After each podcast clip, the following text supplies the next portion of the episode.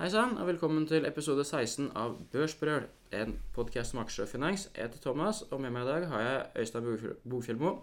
Men før han slipper til, så må vi ta en kjapp disclaimer. Alt vi sier skal bli sett på som markedsføring, så gjør alltid egen analyse. Øystein, fantastisk å se deg. Jeg har ikke sett deg siden før sommeren. Nei, det er nydelig å være her. Det er jo fredag. Det er, vi skal diskutere nordisk eiendom. Det kan ikke bli bedre enn det. Det kan ikke bli bedre enn det, og i går så tror jeg hele det markedet var opp eh, 7 jeg. Er vi, Ja, det- er vi forbi bånn nå, eller? Fantastisk. Ehm, Det er mange årsaker til det. Én dag er jo kanskje ikke det vi skal se etter, men, eh, men vi kommer tilbake til litt sånn ulike trender her. Så det blir veldig spennende å diskutere status. Ja, nei, en dag er kort tid, men samtidig så er det viktig å være i markedet i dagene som kommer. da, fordi det, har jo alle disse grafene som eh, folk, eh, konkurrenter av oss, sier for å prate egen bok. og Der liksom du aldri må løse inn, han alltid være der. Men det er faktisk sånn at noen dager, hvis du ikke er der de dagene, så, så, så går det ikke bra. altså. Nei, og Det viser jo i hvert fall på eiendom langsiktigheten og viktigheten av å være langsiktig. Eh, Det her skjer jo ikke over en dag til dag. Eh, Alt fra liksom av leier til utvikling. Altså Eiendom med et langsiktig spill har levert historisk en veldig god avkastning. Eh, Men, men det viktigste er å se liksom hva er fundamentale statusen PT i forhold til veien videre. Absolutt. Og hvis du ser på Q3, da Nå har jo mange Q3-resultater kommet de siste ukene. og eh, Hva tenker du status har vært sånn fra det du har sett? Nei, Det jeg ser, er jo at operasjonelt, da, og da tenker jeg jo da um, leie per kvadrat og ikke minst kvadratmeter eiendom. Um, jeg syns jo det ser bra ut. Um, og så er det jo litt sånn ulike forskjeller mellom selskapene her. Um, jeg syns jo ett segment, uh, og det er ikke for å være inhabil, men, men jeg syns ett segment stikker seg veldig ut, og det er logistikk og lager. Jeg er helt enig. Utrolig gode nøkkeltall. Ja. og det har nok mye Og det skal vi snakke mer om i forhold til leienivået man kommer fra. Ja, det er et viktig poeng. Ja. Så eh, ellers så syns jeg jo Men hva er det som drar ehm, si, inntjening etter renter og skatt ned? Det er jo på en måte Det er jo, det er jo rentekostnaden. Det er Ja, det har vært betydelig negativt i mange kvartaler. og du ser jo sånne eh, kortrentene i Sverige ligger på rundt 4% og lange litt lavere. Så skal du refinansiere i dag, da, så legger du på jeg vet ikke hva du syns er fair margin her. Jeg stemmer noen 100-200 punkter, kanskje. Kanskje opp mot 200. Ja, det er nok ganske fair så må- all over. Så må du liksom på 5-6% da skal du refinansiere i dag. Ja. Og husk på at uh, Stivoren har jo siden 2015 vært uh, negativ stort sett fram til Ja, det var vel eh, august 2021. Jeg leste akkurat en sånn artikkel her. Det var Riksbanken i Sverige. Og fra 2021 så sa at rentene kommer til å være null ut 2024. Det var klassisk litt dårlig spådom, kanskje. da. Ja, og det tror jeg liksom også understreker at um, er man forvalter eller driver med eiendom eller investerer i eiendom, um, så tror jeg man tror ikke man skal ta noen rentebetter basert på eksterne vurderinger. Um, det tror jeg er feil. Jeg tror at det man må fokusere på, er det operasjonelle. Du var utrolig bra på bidende renta hos Relag eh, på et gunstig tidspunkt, hvis ikke jeg husker feil. Ja, altså vi, vi tok jo en beslutning der tidlig i 2021. Vi syntes det var billig, så uansett om milen falt litt, så fikk vi uansett en god cashlow. Og vi har jo da ja, eh, 63,3 binding i dag.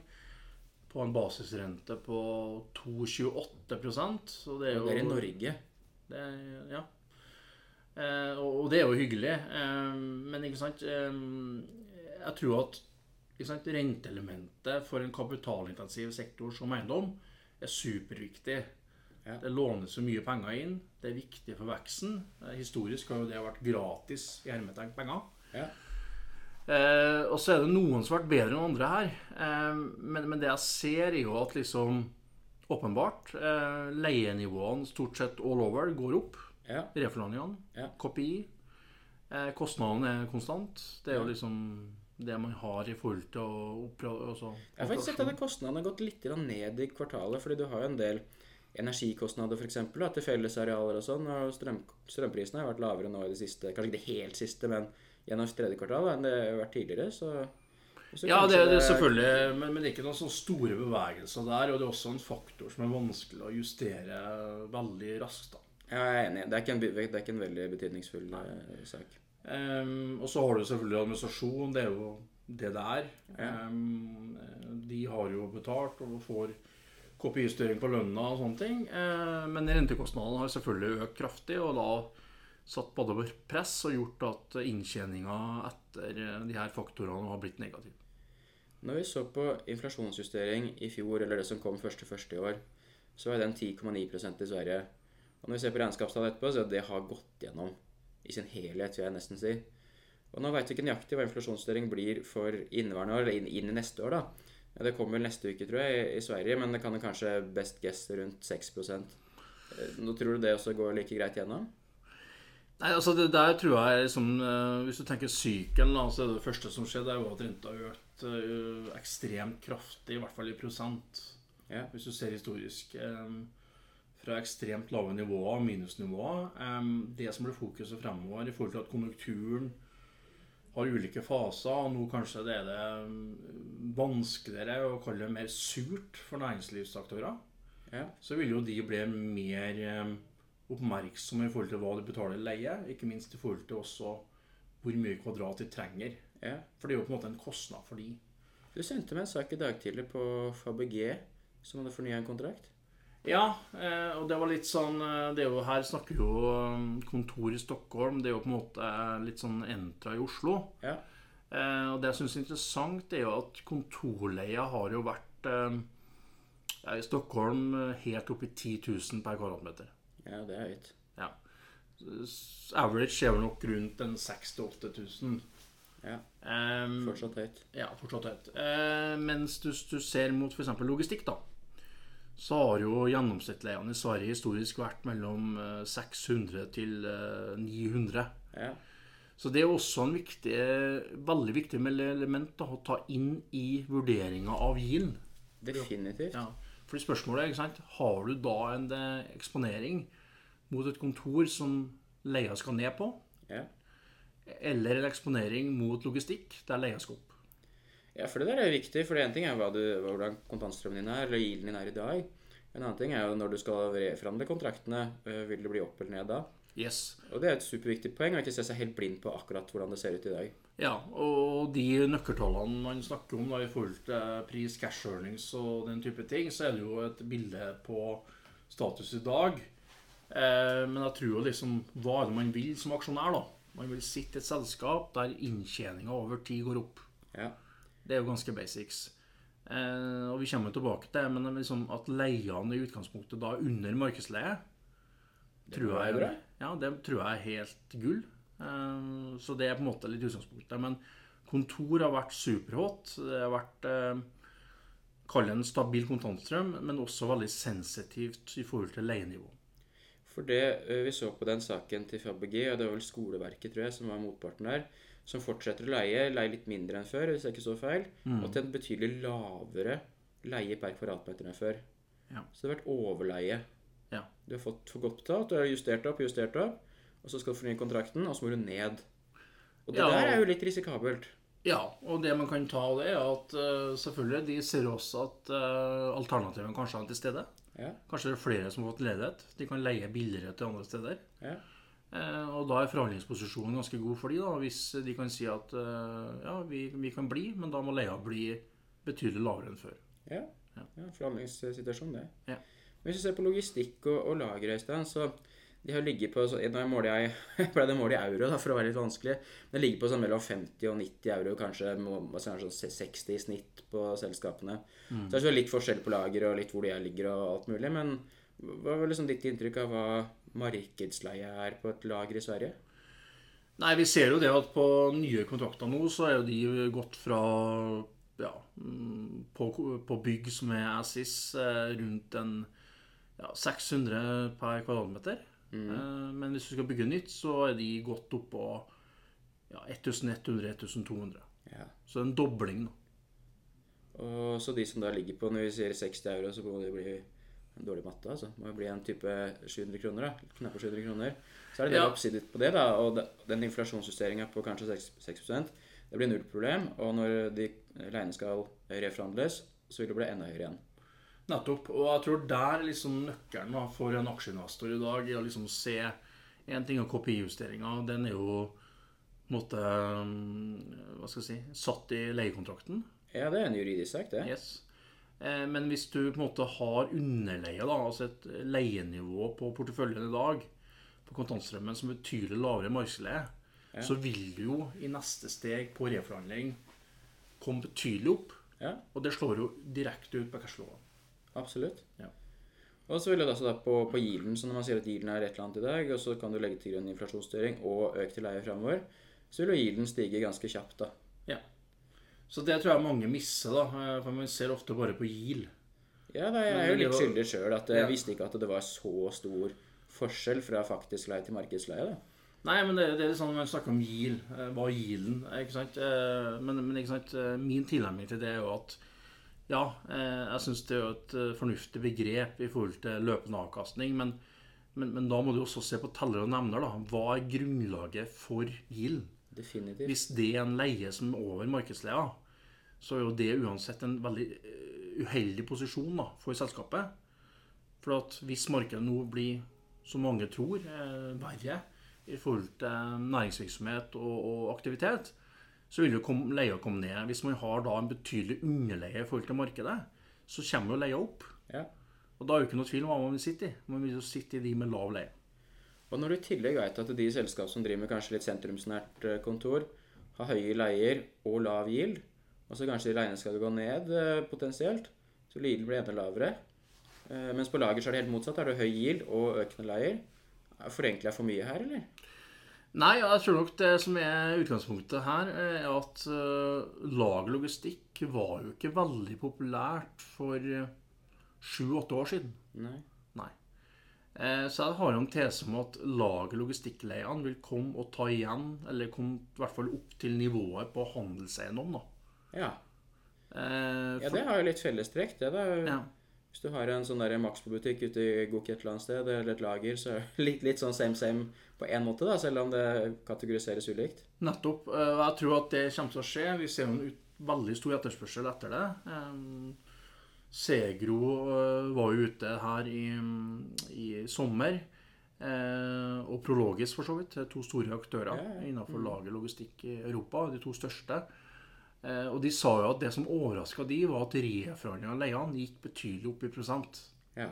Fordi at den strukturelle etterspørselen er der uavhengig av konjunkturen. Ja. For de kommer på lave nivå. Ja. Vi snakker jo her leienivå under 1000 kroner per kvadratmeteren. Og så som vi nevnte, i Stockholm har vi vært oppe av 10 000 på kontor. ja.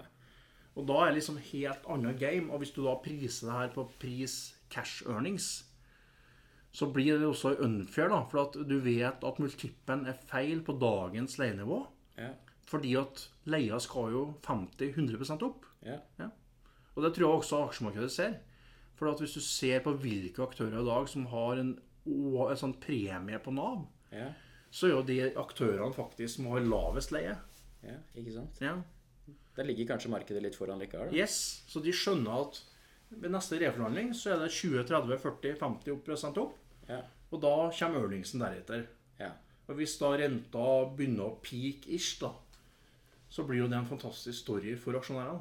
ja. Men hvis du står på 10 000 og skal ned til 6000, og eh, rentekostnadene har gått opp, ja. så er ikke det like hyggelig historie. Nei, jeg er helt enig. Du, skal vi hoppe på noe av det som jeg har gleda meg mest til å snakke om i dag. og Det er jo Det var ditt forslag, da, for å ha tatt det med meg. Men det var et veldig godt forslag. Eh, Og se, hvis du ser på de eh, aksjene i Norden de siste fem år, hvilke har gjort det best? Og hva er kjennetegna til dem? Så jeg lagde, jeg satte på en tabell, jeg tror det er ca. 30 selskaper. eh, og fra best eller høyest mulig avkastning til lavest. Og så litt hvilke kjennetegn hadde de for fem år sia? Eh, og vi kan jo bare begynne fra topp til bunn. eh, I hvert fall de, de øverste. da, Det er Sagax med 29% årlig avkastning de siste fem år. MP3 med 25, Self Storage Group med 20 og Catena med rett under 18% Det er felles trekk blant de der, er det ikke det? Ja, segmentet er jo veldig fellestrekk. Ja. Eh, MP3 har jo selvfølgelig også litt uh, handel, da. Ja. Eh, Men det er jo litt sånn som de sier, sånn plantasjene og type ting litt Ja. byene i men Nord-Sverige. jeg syns jo det som er overraskende, eller det som ikke er veldig overraskende, er jo at segmentet er selvfølgelig lagerlogistikk. Ja. Um, det går jo også tilbake på leienivåene de kom fra. Ja. Uh, og det er også så interessant, er jo forhold til mm, det vi ser på her, da, i forhold til Q3 2018. Ja. hva var pris Nav og pris Cashlow? Ja. Hva, hva er det vi ser etter der? Sagax var på da 50% over Nav i prising. Ah, shit, det hørtes dyrt ut. Ja, det var sikkert dyrt. 17% på MP3. Eh, Self Storage Group er jo et casual case, men det hadde 84% over Nav. Ja. Catena har 21. Så, uh, så for når jeg, sitter og ser på hele lista her, og jeg ser at det er de fire med høyest pris Nav. Så de med høyest pris Nav i 2018, eller for fem år siden, gjort det best da etter det. Yes. Og Det er litt sånn kontraintuitivt, er det ikke det? Ja, og så syns jeg det er veldig interessant når du ser på pris cash earnings, da, for da hadde jo Sagas 14, MP3 9,4, Self Group 18,5 og Catena 13,8. Det er litt høyere i dag, men det er ikke stor forskjell. Nei. Det, og det er blant det lavere, eller det er kanskje det er middels litt minus, da. Ja. Men det det betyr, da, er jo at hvem er det som genererer størst cashflow? Så Naven blir jo, som vi snakka om sist i podkasten nå, er jo veldig sekundært. For at de her aktørene, det vet jeg jo selv, har ikke vært veldig aggressive i forhold til verdivurderingene. Det er også noe man betrakter selv. Ja. Og jeg ser jo et trend i markedet nå at folk forstår at en verdivurdering er en ekstern vurdering, eh, men den kan være veldig varierende mellom ulike aktører. Ja, for du kan påvirke det mye sjøl. For du kan Yes. diktere litt når kontrakta går ut, så er markedsleie sånn og sånn. Ja. Kostnaden er sånn og sånn. Avkastningskravet og exit-dealene er sånn og sånn. Ja. Det er lite, lite faktabasert tall, kanskje. da Eller syns jeg, i hvert fall. Nettopp. Men, men hvis du skulle ha gjort en eh, long short da, på PNA i tilfellet her, Ja. så har du da shorta de som har gjort det best, Ja. eh, og gått long de som har gjort det verst på PNA. ja. Ja. Jeg husker jeg tok eh, eksempelet tidligere. Så hadde jeg kjøpt Olav Thon og shorta Sagax der for ti år siden. sånn. Hadde det konka mange ganger i mellomtida. altså. Nettopp. Så, så, så det er liksom eh, Og det syns jeg er interessant. eh, Og det forsto jeg for så vidt som forvalter. Og at jeg syns det var litt sånn Ja, hva Naven er, det er for så vidt greit å ta med seg, men, men det er en eh, ekstern vurdering som varierer med type ja, 5-20% på eiendomsverdien. Ja. Hvis man har 50% belåning, så betyr jo det massivt på Ekon. Kjempe. Eh, og så har selskapene egne vurderinger. Hva er det som betyr nå? Det er pris cash earnings. Og cash earnings, da bare for å gjenta det, er jo leia minus drift minus admin minus renter og betalbar skatt. Ja. Ja.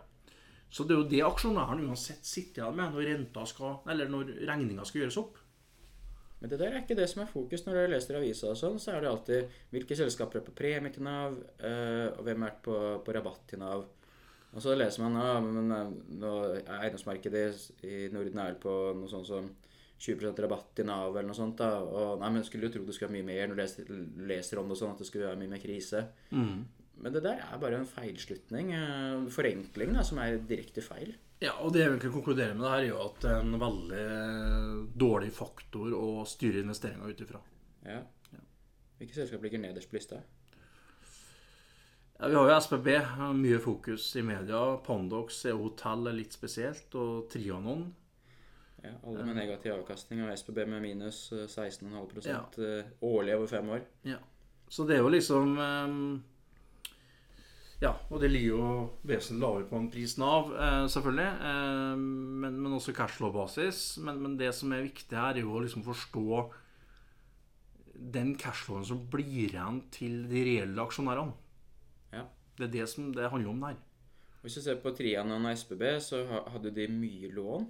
Mm. Pandax var kanskje litt special case, fordi når det kom covid, og så var ikke hoteller akkurat det som gikk best. da. Men, men uansett, høy, høy belåning er kanskje litt sånn fellestrekk blant, eh, blant de selskapene som ligger i, i bånn på lista her. Ja.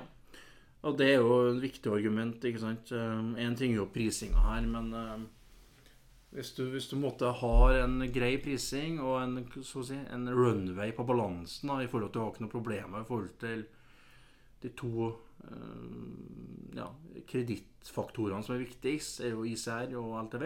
Ja. Eh, Fortell, hva, hva er ICR? Det er en rentedekningsgrad. Det er jo egentlig resultatet. Altså leie minus admin eh, og drift. Ja, Over. EBIT, rett og slett. Ja, over rentekost. Mm.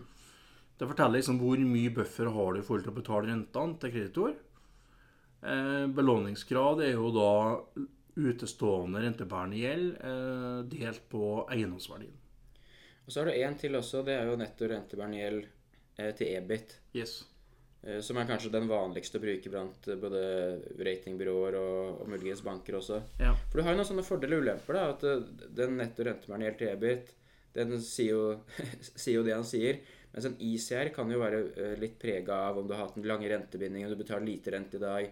De, alle rentebindingene går ut neste kvartal, så neste kvartal skal du betale det 6% rente istedenfor 2 da, så vil jo den kunne lyve litt på, på kort sikt. Så man må liksom se den ICR-en litt opp mot eh, kanskje rentebindinger og, og sånn. Ja. Men det som er litt sånn hva skal jeg, utfordringa på ICR PT, det har ikke vært noe fokus tidligere. fordi at renta har gått ned, eh, og markedet har vært bra. Ja. Så det har vært veldig belåningsgradfokus, altså LTV. Ja. Eh, og så har jo selskapene belånt på økende verdier, men ICR-en har jo vært relativt konstant. Eh, jeg opplever jo at bankene er veldig opptatt av cashflow og ICR, eh, for de ønsker å se at du har en buffer uavhengig av eiendomsverdiene i forhold til betjening av renta. ja. Eh, og der bør man jo helst ikke ligge veldig nært 1,5. Nei. Fordi at hva skjer da? Hva, hva, hva er på en måte konsekvensen av det? Det er jo at hvis covenanten er da 1,5, så er det typisk da at eh, kreditor eh, krever at eh, ny egenkapital må komme inn Ja. for å da hva skal jeg si, kule, som det heter på, på lånespråket. Men det betyr jo det at du må inn med egenkapital for å da nedkvittere gjeld. Så du er innafor det nye ISR-kravet i forhold til en fornuftig rente, som er i dag. Ja. Ja. Og det blir litt samme på netto rentebærende til EBIT. For en annen måte er å selge eiendom på, men du selger eiendom, så selger du jo også eh, på si, cashlow før renter. da. Yes. Så det, det, den er ikke like effektiv på, på netto rentebærende til EBIT-parameteret. Nei. Så det egentlig går tilbake på i forhold til hvem som har prestert best, det er jo de som har hatt uh, gode marginer til sine covenants. Og da gjelder det jo spesielt på cashloven i forhold til ISR. Ja. Eh, det er ikke noe utfordring der. De kan sikkert få lånt til hva de vil. Ja. Eh, Samtidig som vi har hatt en veldig høy vekst, og det er jo mange årsaker til det. Eh, Segmentet logistikk og lager har jo hatt, som vi har snakka om i starten, her, en høy leieprisvekst. Ja. Fordi de kommer fra lave nivå. Samtidig som mange av aktørene har rentesikra på veldig skal si, lave nivåer historisk. ja, type spesielt Sagax det Yes. skiller seg ut der. Ja. Men hvilke lagerselskaper ser du på som mest interessante, Øystein? Og, og, og liksom, hvilke kan ha mest oppside i leienivåene sine? Jeg må jo si at eh, når jeg ser gjennom alle nordiske, så syns jeg SLP da, stikker seg veldig ut. Eh, de har jo kun banklån. Ja. Eh, og en, si, en fornuftig belåningsgrad, en grei ICR i forhold til cashloven i dag. Men de har leienivåer på porteføljen som er faktisk eh, på 600 kroner per kvadratmeter. Så når de skal fornye, så kan det være betydelig oppside der på Ja, de- Nye leier i dag ligger jo markedet på 1200-1500. SAP kan jo ligne, eller Swedish Logistics Property som det heter, det, kan jo ligne Ja. litt på Sagax på noen måter. Ja.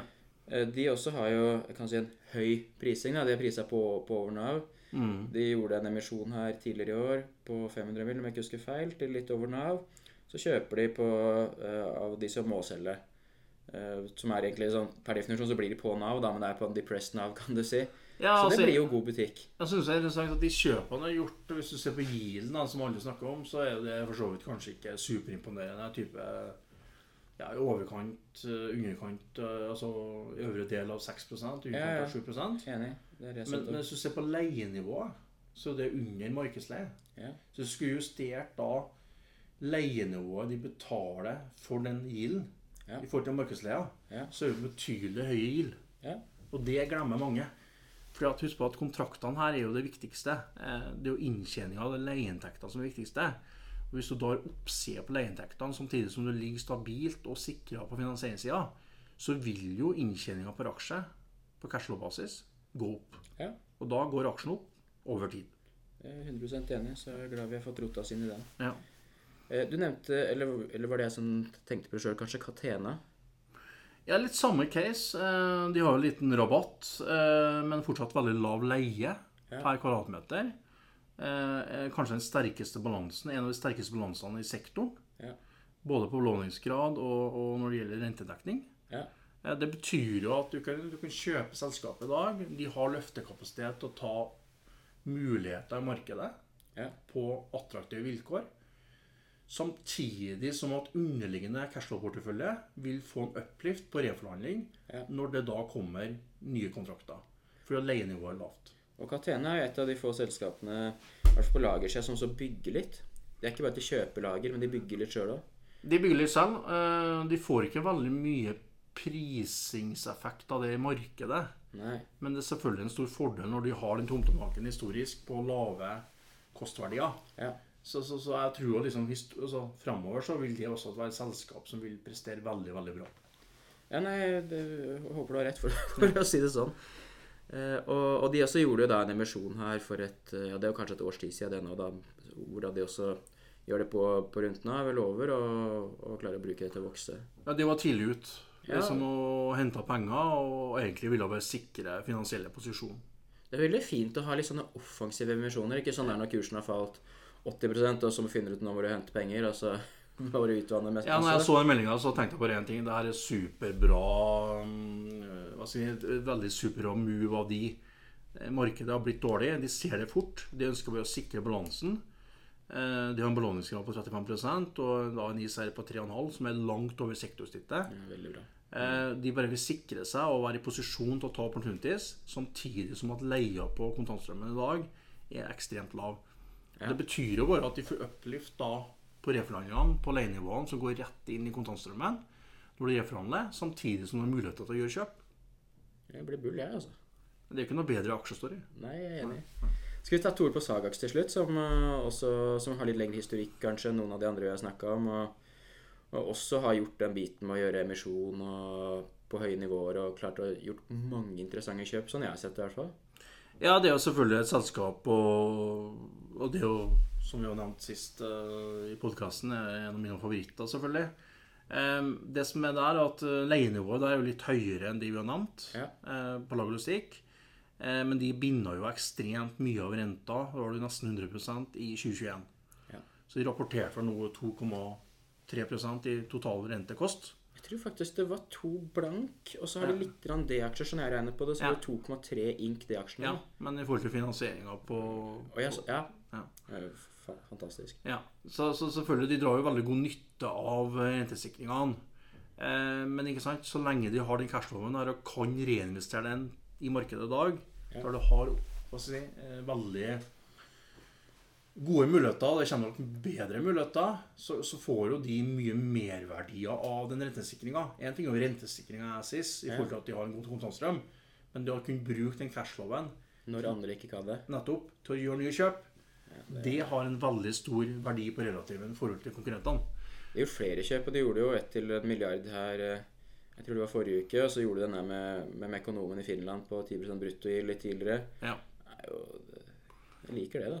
Selvfølgelig, og jeg syns jo det ja, som sagt, det er en av mine favoritter. Men, men selvfølgelig, det, hvis rentenivået stabiliserer seg, da, så er det selvfølgelig litt krevende for de å holde den renta på 2,3 eh, Ja, helt opplagt. Det, Ja, ja, Vi får nå se.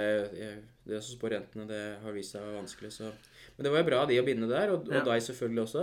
Og så får man jo se da, når disse sikringene går ut. Kan det godt hende renta er lavere, eller, eller sånn noe. Ja, det er får andre vurdere, men, men, ja. men så langt så har du gjort eh, som alltid veldig mye rett. De fokuserer på å vokse operasjonelt, og det er jo da i forhold til nye kjøp, eh, kvadratmeter, eh, og så har du tatt eh, ingen risiko på rentesida. Ja, fantastisk. Hvordan ser det ut videre, da, hvis vi ser nå eh, Nå er vi snart ved årsskiftet, det blir inflasjonsjustering, og så er det litt ulike trender, både som vi har snakka om på lager, eh, på kontor har vi snakka om både sentrumsnært, og det kan ha en utfordring med hjemmekontor og andre ting.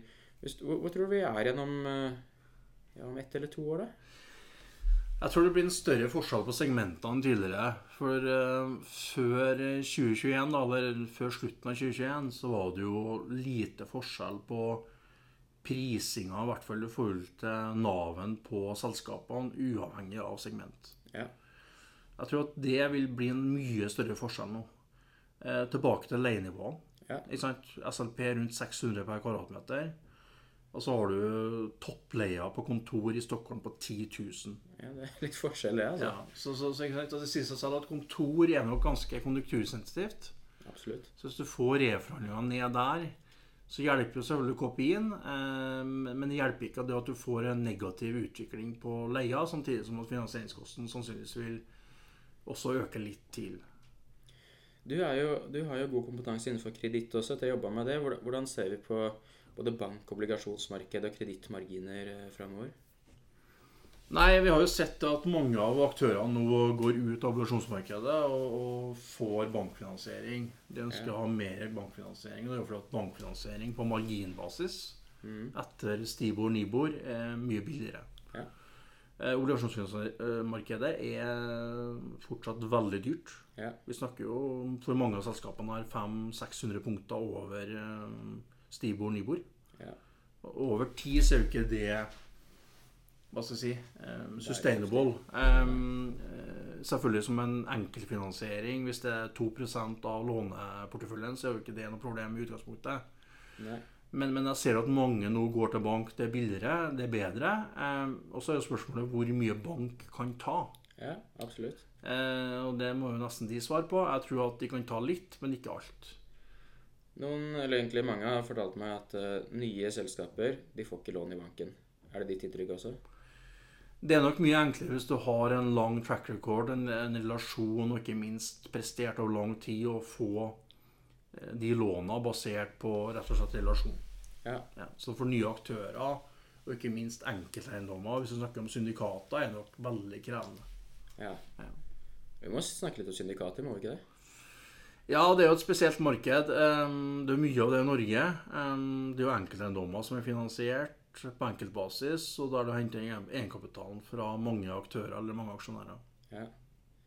Er ikke det litt høy risiko? Eller det har vist seg at det er det, da, men hvis du har liksom én motpart, eh, ett bygg, kanskje kanskje binder renta lite grann Det blir jo og Som aksjonær, da, så kan det fort bli ganske støkk, for du kan ikke løse inn når du vil. og eh, det er vrient å være investert i noe sånt, eller? Ja, altså Hvis du sammenligner med de selskapene vi har nevnt, da, de har jo utallige eiendommer med utallige leiekontrakter. Ja. Altså Risikoen da operasjonelt er veldig diversifisert.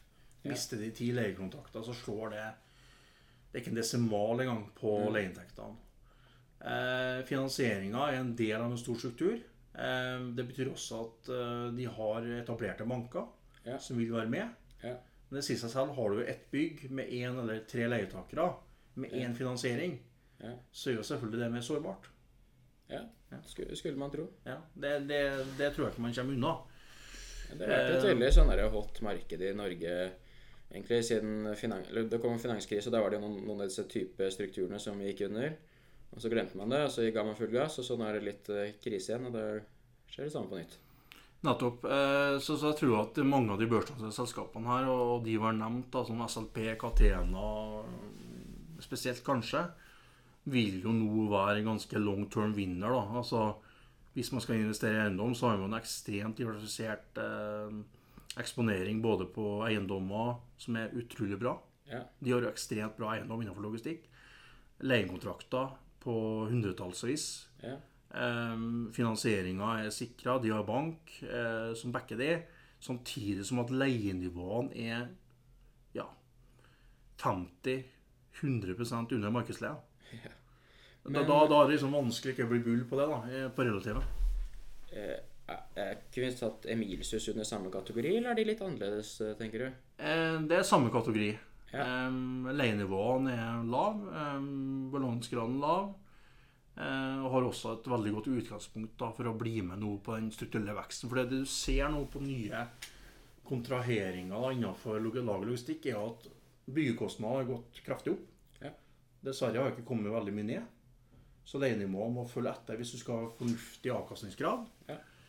Eh, og da snakker vi jo fort eh, 1200-1500-1600. Mm. Eh, og da er spørsmålet ikke sant, for leietakeren skal jeg da gå i gang med prosjektet her, eller prøve rett og slett leie et bygg der eh, de aktørene vi nå snakker om, eh, har eksisterende leie, der vi kan kanskje få det for 1000. Ja, ja. ja. Absolutt. Det blir jo en sånn, så, så, så de som sitter med eksisterende eiendom, med god og riktig eiendom, har jo da en kjempefordel, og da vil jo leia komme etter. Ja, det der er kjempepoeng. Ja. Og det der er veldig interessant, hele den diskusjonen rundt underleie, hvordan det der kan påvirke mye framover. Ja. Og jeg har vært litt sånn skyldig sjøl i det der, at jeg ikke har vært flink nok til å se det, men forhåpentlig at liksom dagens tall er er fakta, da, men altså, liksom, kanskje man skal tørre å kunne se litt Ja, det blir jo litt sånn det- eh, Jeg er har jo mange mine litt der, altså. Ja, jeg er jo mange møter, og jeg syns den GIL-diskusjonen blir litt sånn simpel, da. Ja, ja. Da må man jo se hva man betaler leie for eiendomsverdien. Eh, og det å sette opp et bygg eh, som koster ufattelig mye, det kan jo sannsynligvis de fleste gjøre. Ja. Så kommer jo leia etter. Ja. Men problemet er jo at hvis du da priser det ut av markedet ja, da blir det dårlig avkastning. ja, ikke sant, over tid Ja. For på neste reforhandling da, så vil jo sannsynligvis da, hvis leia er veldig høy, komme ned. Ja. Og det er jo ikke, du vil jo ikke sitte i en eh, nedadgående ørningsvekst som aksjonær. Nei, da, da skal du ha det billig, i hvert fall. Sannsynligvis er det ikke noe bra langsiktig uansett. Da. Nettopp. Så det, det, det syns jeg liksom misser, og syns jeg savner litt i diskusjonen da, innenfor eiendom. At liksom det er veldig mye gir-fokus. Men da må vi se på tallene og nemlen og se hva er grunnlaget for leia, og hva er liksom eiendomsverdien. Og det går også tilbake til pris per kvadratmeter. Eh, Så de som har mest sånn sentrumsnært kontor i Norden, det er jo Fabege. Kan du godt sikkert si hovedstaden også, som har mer, mer handel, men eh, jeg er jo litt sånn skeptisk til, til Fabege pga. de tinga du sier, og den har jo en høy verdsettelse i tillegg, da, så det er jo en sak som vi har, eh, har styrt unna. Ja. Nei, jeg ville vært litt forsiktig, da, i hvert fall kortsiktig i forhold til de eksponeringene da, som er kontor med veldig høy leie. Kort og godt. Men sånn, du er jo investeringsdirektør i Relog. Hva er status oppe hos dere om dagen? Reitan Logistikk. Ja, eh, ja, du kan jo kalle det hva du vil. Det er Relag vi heter. Um, vi er jo innenfor laglogistikk. Em, vi har en veldig god finansiering. Eh, vi har fokusert veldig mye på det. Vi har sikra veldig mye, som jeg sa, i forhold til fram tilbake til 2021. Ja, fantastisk. Eh, så vi har jo en basisrente nå på 2,28 før margin, da. Eh, og så er Niboren 4,72 i dag, tror jeg. well done. Eh, så, så liksom, det er jo viktig for oss. Eh, og vi har ti års lengde da, på um, rentebindinga. Helt fantastisk. Ja, så vi tror liksom at taken var nok at renta skal liksom ikke så langt ned uansett på lang tid. Så, så lenge vi sikrer da forutsigbarhet i forhold til å gjøre det vi skal i forhold til vekst og prosjekter, Ja. så det er en større verdi at vi skal liksom begynne å ta et bet på renta. Ja, ja. Eh, For det, der er mange bommer. Eh, Så det var utgangspunktet. Eh, Vi har laget logistikk. Vi ser også nå, for vår del, at leiene på nye kontrakter, reforhandlinger, nye prosjekter er betydelig opp. Ja. Vi snakker 30-40 og vi kommer jo ikke fra Vi er nok mer rundt 1000 kroner kvadratmeteren. ja. Eh, Men uansett, vi ser at det er betydelig opp fra det. Ja. Eh, Så vi er godt porsjonert. Eh, Vi ønsker å vokse videre. Vi har fortsatt 80% av leieinntektene i Norge. Men ønsker selvfølgelig å ta mer fotfaste både i Sverige og Danmark spesielt. Eh, Så vi er porsjonert. Vi har god cashflow, vi har god eh, cashbeholdning, eh, men er litt på sånn vent PT, da. Hvor er dere om tre år, da, tror du? Da håper jeg at vi er enda større selskap, og, og ikke minst da en av de største i Norden når det, det gjelder um, innenfor lagerlogistikk. Um, ufattelig eh, fin reise. Når jeg kom inn, så hadde vi jo totale inntekter på overkant av 400 millioner. Nå ligger vi an på run rate neste tolv måneder på 825. Ja, Nå var det du begynte her, sa du. Eh, april 2021. Ja, det er bra, bra jobba på, på begge sider av eh, alle Ja, vi sider er, av resultatregnskapet. vi er et godt team, og vi, vi jobber bra. eh, Og vi diskuterer veldig mye det vi snakker om i dag, egentlig. Vi har tatt inn det finansielle, vi har det operasjonelle, og ønsker å ha en langsiktig aktør. Og så har vi jo, ettersom vi har den langsiktigheten med våre eiere, ikke minst historikken, så er jo også vi føler vi har jo veldig god dialog med banker i forhold til at vi, mm, vi, vi selger jo sjelden eh, noe av porteføljen. Eh, og hvis vi selger noe, så er det ikke innenfor det core-segmentet som er lagerlogistikk. da. Nei. Kan vi se dere på børs en gang i framtida, tror du? Det er målet, og det håper jeg. Eh, og for å si det sånn, eh, jeg begynner å se at nøkkeltallene begynner å se veldig bra ut. Eh, så hvis vi nå får litt mer moment i markedet, så tror jeg det i Norge kan bli et veldig preferert case på børs. Fantastisk. Nei, jeg kommer i hvert fall til å følge med på det. Og, Ja. Det er jo ja, Vi har jo i ned albumet, First Nordic Real Estate, så har vi ikke norske selskaper i dag. Nei. Så det kunne vært fint å å få til det tvert igjen. Der skal vi holde deg oppdatert, og resten oppdatert. Men eh, vi har store ambisjoner. Eh, jeg sitter jo ikke i ro som person, så jeg jobber hardt med å få det her så bra som overhodet mulig. Og vi har gjort ufattelig mye de siste to og et halvt åra. Eh, og så er vi veldig godt porsjonert, og vi syns jo også at vi får veldig mye oppmerksomhet fra Sverige. Ja. Største aktørene. Syns jo at det her begynner å se veldig bra ut. Eh, og mange som er veldig interessert. Eh, men vi er veldig komfortable med det vi har gjort, og vi har veldig troa på det vi gjør. Eh, også når noen av vi sannsynligvis sentimentet kanskje skifter litt i sektoren, så, så vil nok vi nærme oss en mer type public eh, notering. Veldig spennende, Øystein. Tusen Ja. takk for at du ville være med i dag. Veldig hyggelig. Veldig fin diskusjon.